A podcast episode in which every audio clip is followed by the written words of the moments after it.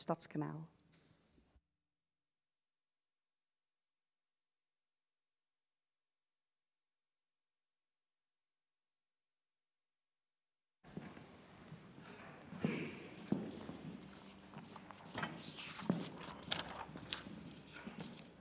Ja, dank je.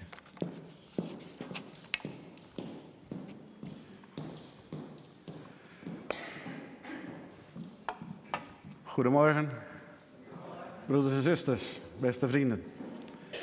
Fijn om hier zo weer een eerste, of weer, ik zeg weer, om hier een eerste keer te zijn.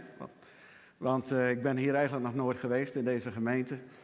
Wel eens in Steenwijk geweest, maar voor heel andere zaken. maar voor de eerste keer hier in deze gemeente. En uh, dat is natuurlijk een voorrecht om weer ergens te mogen spreken waar je nog nooit geweest bent. En daar is weer een open deur hè, voor het woord van de Heer, voor het evangelie. Fijn om u te ontmoeten deze morgen. We zijn hier uiteraard bij elkaar in de naam van onze Heer Jezus Christus.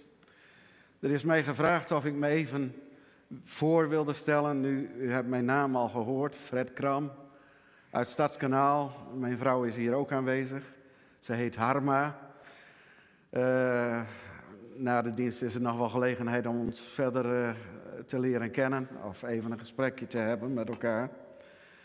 We zijn getrouwd uiteraard en uh, ja, we hebben samen vier kinderen, vier dochters, waarvan de drie al de deur uit zijn.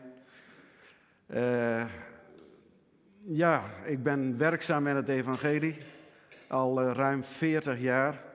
Ik heb mijn opleiding gehad aan de Evangelische Bijbelschool in Doorn. En uh, na de Bijbelschooltijd zijn we in het Evangelie gaan werken vanuit een uh, christelijke gemeente. De Vergadering van Gelovigen toen destijds. Vandaag aan de dag heet het de Christengemeente in uh, Stadskanaal. Kleine gemeente, ongeveer 60 leden, broeders en zusters. En nog een aantal kinderen met elkaar, iets van 100. Uh, geen 100 kinderen, maar 100 uh, eh, mensen. Uh, dat zou wel erg veel zijn. Eh, maar ja, een kleine gemeente waar wij ook mogen dienen en waar ik zelf ook mag dienen als oudste. In het dagelijks leven ben ik ook nog parttime taxichauffeur voor het speciaal onderwijs. Dus dat doe ik er dan naast, een paar uur per dag. Voor de rest uh, spreek ik veel in andere gemeenten ook. Uh, en in eigen gemeente natuurlijk ook vanzelfsprekend. En uh, ook af voor het zoeklicht. Bijbelstudies, lezingen. maar het zoeklicht heeft mij ook aanbevolen trouwens om hier naartoe te komen. Bij u als gemeente. Dus vandaar dat ik hier ook terecht gekomen ben. Als u zich misschien mocht afvragen waarom.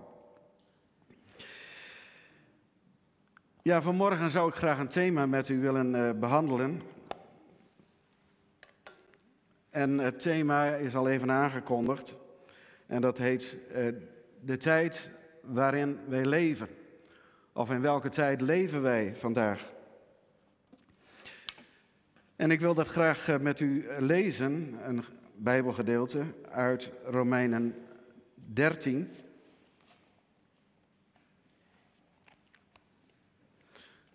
De katheder staat wel erg stijl trouwens. Is er een mogelijkheid om hem platter te zetten of niet?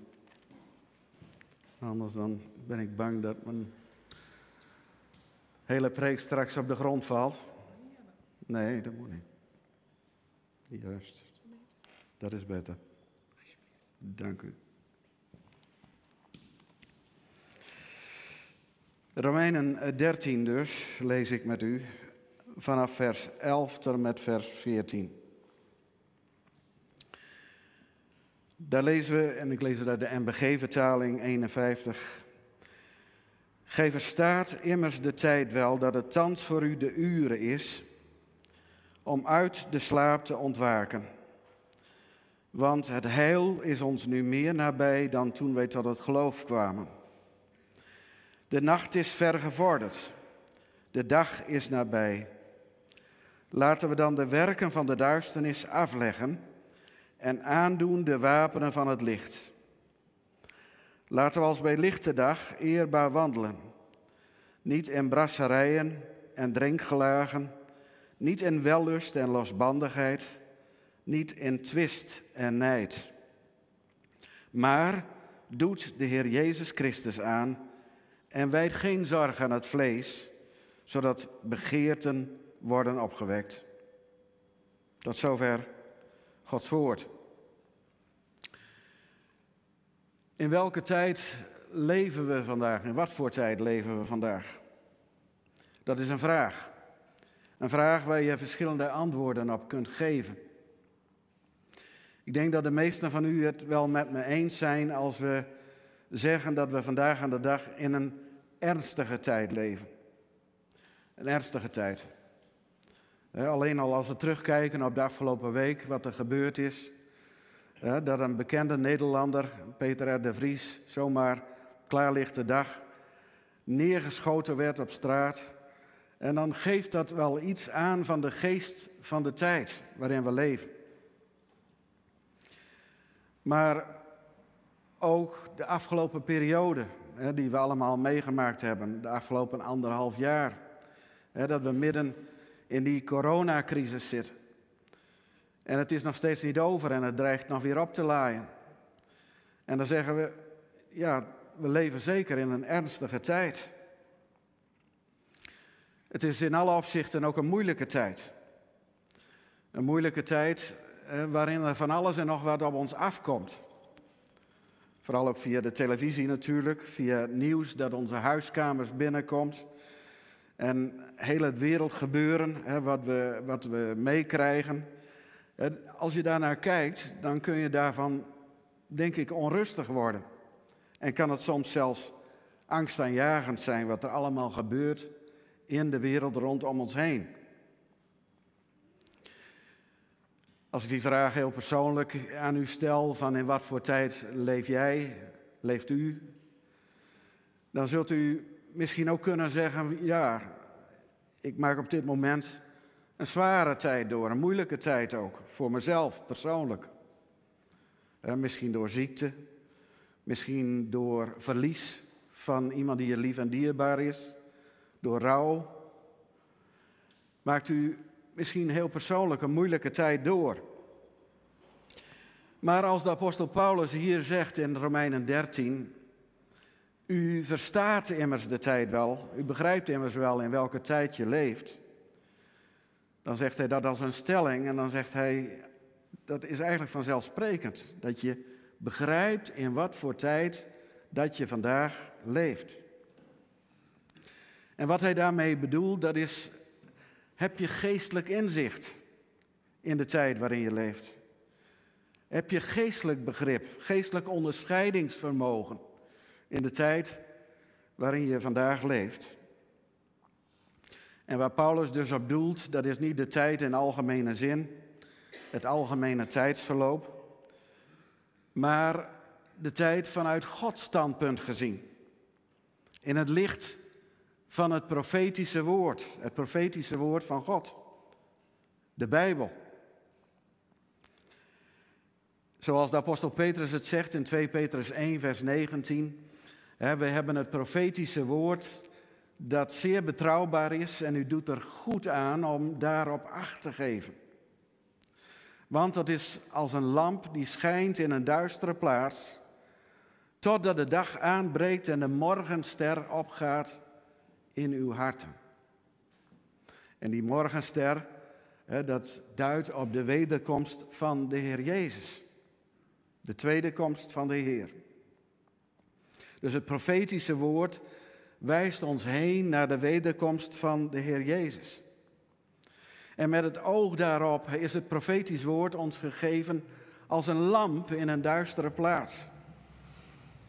Die duistere plaats, dat is deze wereld waarin we leven. Waarin de duisternis, de geest van de duisternis, heerst, zou je kunnen zeggen. En die duisternis die wordt alleen maar groter.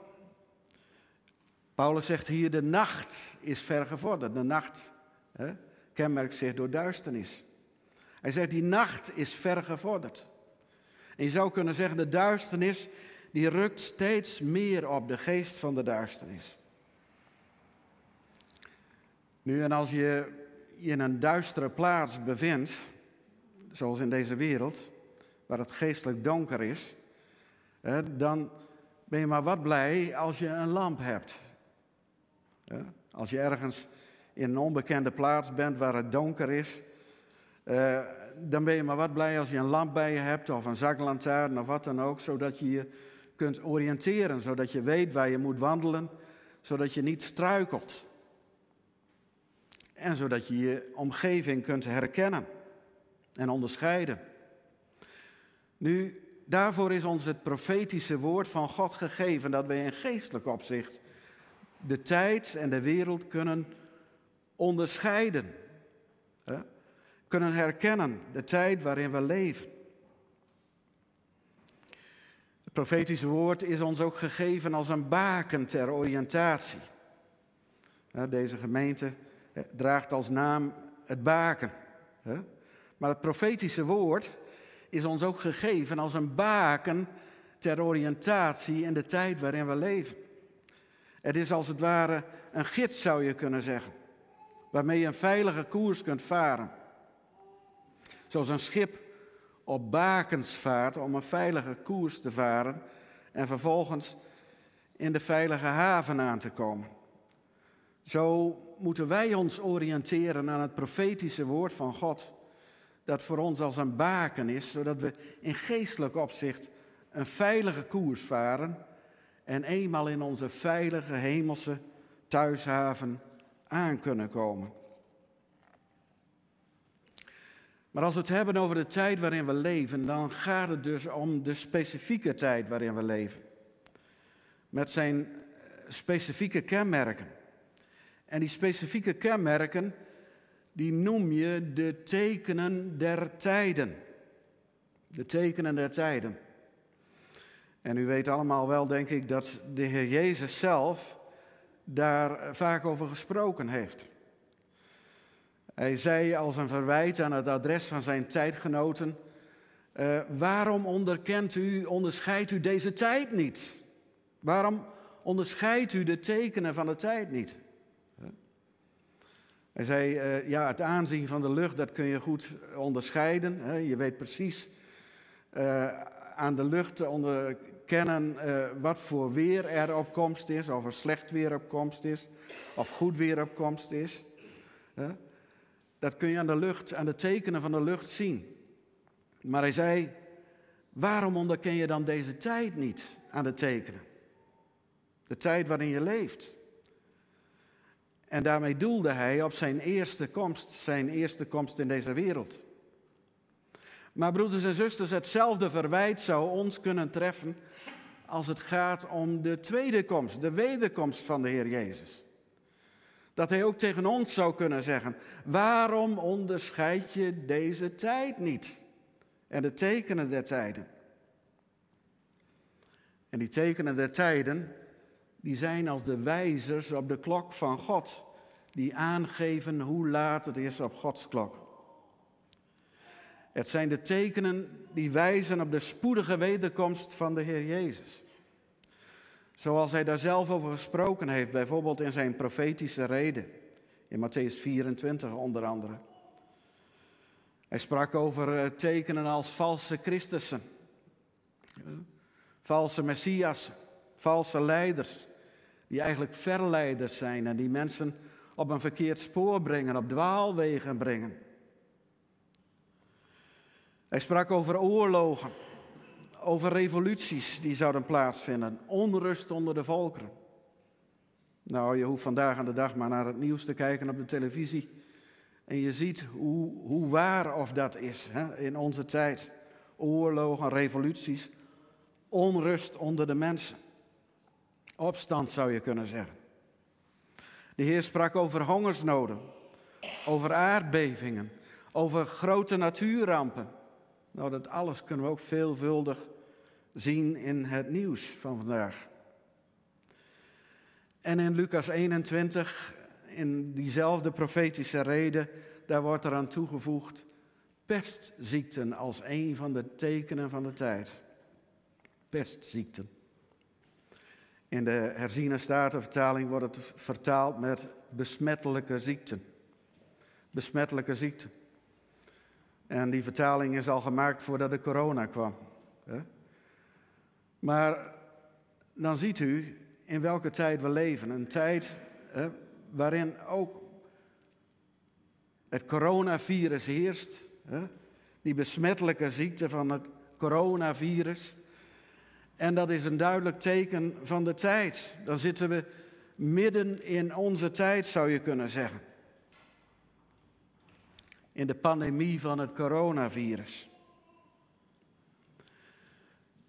Toch zegt de Heer in zijn profetische reden, als je dan al die tekenen ziet die er vandaag aan de dag gebeuren, wees dan niet bang. Want het moet allemaal eerst gebeuren. Maar dat betekent nog niet het einde. Het einde in de zin van de ondergang van deze wereld, het einde van deze wereld. En ook nog niet het eindoordeel. Als de Heer spreekt over het einde, dan bedoelt hij daarmee het einde van een bepaald proces. Het einde van een bepaalde tijd, waarin bepaalde gebeurtenissen plaatsvinden en tot een hoogtepunt komen. Wel laten die tekenen der tijden ons heel duidelijk zien in welke tijd we vandaag leven. En die tijd wordt aangeduid door de Bijbel als de eindtijd. Of ook wel als het laatste der dagen. 2 Timotheus 3, vers 1 bijvoorbeeld. Nou, het laatste der dagen, dat klinkt nogal onheilspellend. maar daarmee wordt bedoeld het einde van een bepaalde periode in Gods heilsplan. Een periode die tot voltooiing komt. Die tot zijn doel komt. En dan loopt het dus ergens op uit. En waar loopt het dan op uit? Nou, voor ons, als we een kind van God zijn, als we verlost zijn door het bloed van de Heer Jezus, zal het uitlopen op de wederkomst van de Heer Jezus Christus. En dan zal de gemeente opgenomen worden. Ik veronderstel dat deze boodschap ook hier onder u bekend is. Voor ons als kinderen van God, wij mogen uitzien naar de wederkomst van de Heer Jezus. En dat is voor ons een vreugdevolle gebeurtenis. Dan zullen we Hem tegemoet gaan in de lucht. Maar voor hen die God niet kennen, of die Hem niet willen erkennen, die de Heer Jezus ook niet willen erkennen als een heiland, als een verlosser, zal het uitlopen op het oordeel. De tijd van de grote verdrukking hier op aarde. Dus dat is nog niet het eindoordeel, nog niet het laatste oordeel voor de grote witte troon. Maar er zal een oordeel hier op aarde komen. En de Bijbel noemt dat oordeel de tijd van de grote verdrukking. Nou, dat is een verschrikkelijke tijd. En ik zou niemand van u willen toewensen dat u die tijd zou moeten meemaken.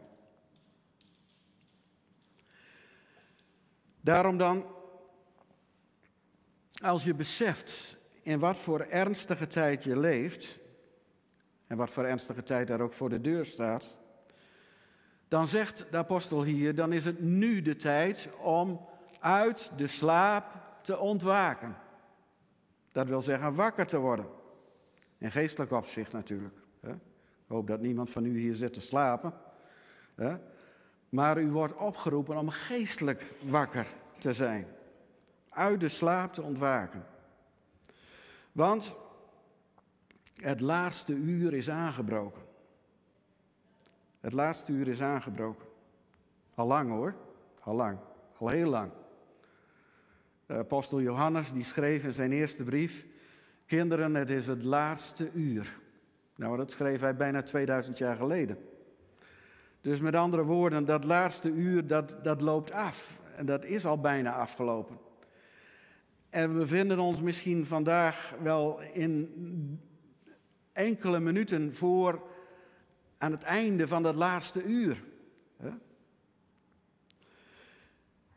Misschien zijn het wel de laatste minuten van dat laatste uur die aangebroken zijn.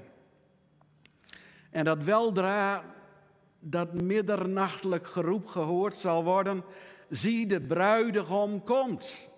Ga uit hem tegemoet. En dan is het tijd om wakker te worden. Net zoals in die gelijkenis van de vijf wijzen en de vijf dwaze maagden. Dan is het tijd om wakker te worden en de Heer, onze bruidegom, tegemoet te gaan. Want de wekker van God die loopt nu af, broeders en zusters. En God zelf roept ons op om wakker te worden. Voor hen die nog in ongeloof zijn, die de Heer Jezus nog niet kennen als een heiland en verlosser, geldt het woord uit Efeze 5, vers 14. Ontwaakt u die slaapt en sta op uit de doden en Christus zal over u lichten. God roept ons op tot bekering. Hij roept ons op tot bekering uit de doodslaap. En hij roept ons tot nieuw leven. En dat nieuwe leven wil de Heer ons schenken. Het is een oproep tot bekering, tot wedergeboorte. Ook voor naamchristenen, voor mensen met, met hun schijnvroomheid, die misschien uiterlijk gezien zich wel christelijk noemen en misschien aan allerlei christelijke rituelen wel meedoen, maar nooit echt persoonlijk tot bekering gekomen zijn en tot wedergeboorte. Ook zulke naamchristenen worden opgeroepen tot bekering. Maar dit woord van de apostel, dat wordt ook gericht vooral tot gelovigen. Het is nu het uur voor u om uit de slaap te ontwaken. Dat zegt hij tegen de gelovigen. En waarom dan? Nou, het kan best zijn omdat die gelovigen hun levende relatie met de Heer zijn kwijtgeraakt op een of andere manier. En dat ze weer in slaap, in geestelijke slaap, gesukkeld zijn. Doordat ze afgedwaald zijn. Afgedwaald van de Heer. Niet meer toegewijd aan de Heer. En dat is onze persoonlijke verantwoordelijkheid. Als we het zicht op de Heer Jezus kwijtraken, dan zijn we niet meer op Hem gericht. Dan zijn we niet meer met Hem bezig. Dan luisteren we niet meer naar Zijn woord. Dan bidden we misschien ook niet meer.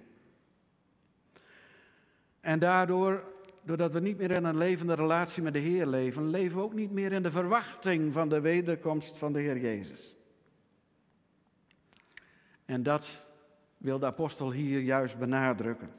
Want zegt hij, je moet uit de slaap wakker worden, ontwaken. Want het heil, zegt hij, is ons nu meer nabij dan toen wij tot het geloof kwamen. Nou, dat heil, wat ons nu meer nabij is, dat is onze volmaakte verlossing. Die volmaakte verlossing komt bij de wederkomst van de Heer Jezus. Romeinen 8 noemt dat de verlossing van ons lichaam. En in de Filippenzenbrief daar staat, Filippenzen 3 vers 21, wij verwachten de Heer Jezus Christus als verlosser uit de hemel, die ons vernederd lichaam zal veranderen en gelijkvormig zal maken aan zijn verheerlijk lichaam. We leven nu allemaal nog in een in een zondig lichaam, zou je kunnen zeggen, waarin we de gevolgen van de zonde nog steeds merken, steeds ervaren. We leven in een gebrekkig lichaam. We leven misschien wel in een ziek lichaam. Maar bij de wederkomst van de Heer Jezus zullen we allemaal, als we een kind van God zijn, een verheerlijk lichaam ontvangen. Een lichaam zonder zonde, volmaakt. Een hemelslichaam. Een opstandingslichaam. Gelijkvormig aan het lichaam van de Heer Jezus zoals hij dat had na zijn opstanding uit de doden. Het heil is ons nu meer nabij dan toen wij tot het geloof kwamen. Hoe lang is het geleden voor u, voor jou, dat je tot geloof kwam? voor sommigen is het misschien al heel lang geleden. Als ik kijk naar de grijze haren die hier aanwezig zijn. Misschien bent u al heel lang geleden tot geloof gekomen. Maar er zijn hier ook heel wat jongeren. Misschien is het nog maar kort geleden dat je tot geloof gekomen bent. Maar hoe dan ook, of het nu lang geleden is of kort geleden dat je tot geloof gekomen bent. De komst van de Heer Jezus, het heil, dat is ons nu meer nabij, is dichterbij dan toen je tot geloof kwam. Dat moeten we goed beseffen. De komst van de Heer, de wederkomst van de Heer Jezus, die nadert met rassen schreden. Het is een vastgesteld tijdstip in het heilsprogramma van God, zou je kunnen zeggen, dat steeds dichterbij komt en dat eigenlijk al voor de deur staat. En dan moeten we ons afvragen, zijn we dan klaar om de Heer te ontmoeten? Oh, ik weet het wel. We zijn allemaal maar gewone mensen. Ook als christenen. Mensen van vlees en bloed. En we zijn allemaal dikwijls nog zo gehecht aan ons leven hier op aarde. En alle dingen die, uh, ja, waar we nog zoveel waarde aan hechten. Maar vooral ook aan onze geliefden natuurlijk. Aan mensen die ons lief en dierbaar zijn. En dan zul je dat allemaal los moeten laten. Maar er komt een dag, broeders en zusters, en misschien wel veel sneller, veel spoediger dan wij verwachten en dan wij beseffen, dat de Heer ons roept. Het zij als we sterven, of als de Heer terugkomt, waar we natuurlijk allemaal naar uitzien. En dan moeten we alles loslaten. Maar we moeten ons goed beseffen dat we er zoveel meer voor terugkrijgen. Dat we de Heer Jezus dan zullen zien van aangezicht tot aangezicht. En dat we dan ook al onze dierbaren, al onze geliefden die ons al zijn voorgegaan, die ook in de Heer Jezus geloofden, dat we ze weer zullen ontmoeten. Wat een dag zal dat zijn, broeders en zusters. En mijn vraag vanmorgen aan u, aan jou, is dan ook, ben je klaar om de Heer Jezus te ontmoeten? Ben je klaar om de Heer Jezus te ontmoeten? Laat de wereld dan los met al zijn zondige praktijken. En richt je volledig op de Heer. Geef je leven aan Hem over.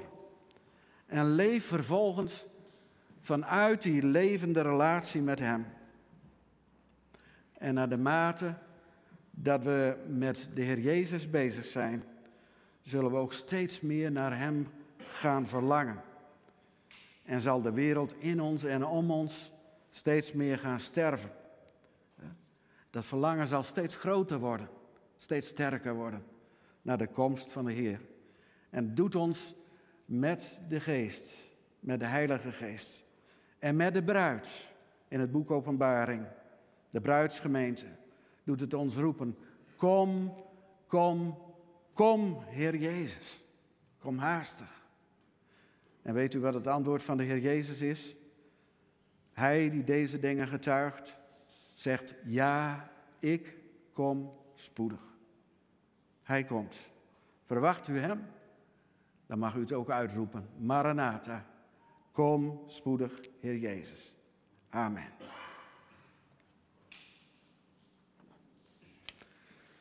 Zullen we een ogenblik stil zijn met elkaar?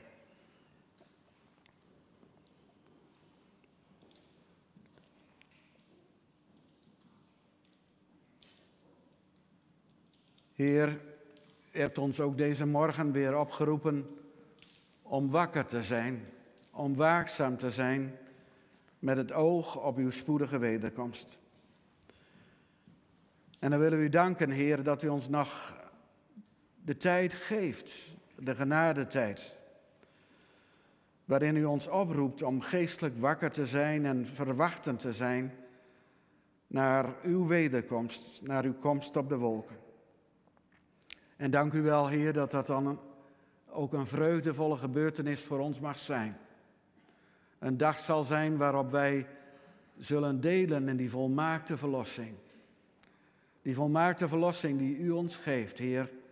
Niet alleen voor onze geest en voor onze ziel, maar ook voor ons lichaam. En dat we dan een verheerlijk lichaam zullen ontvangen.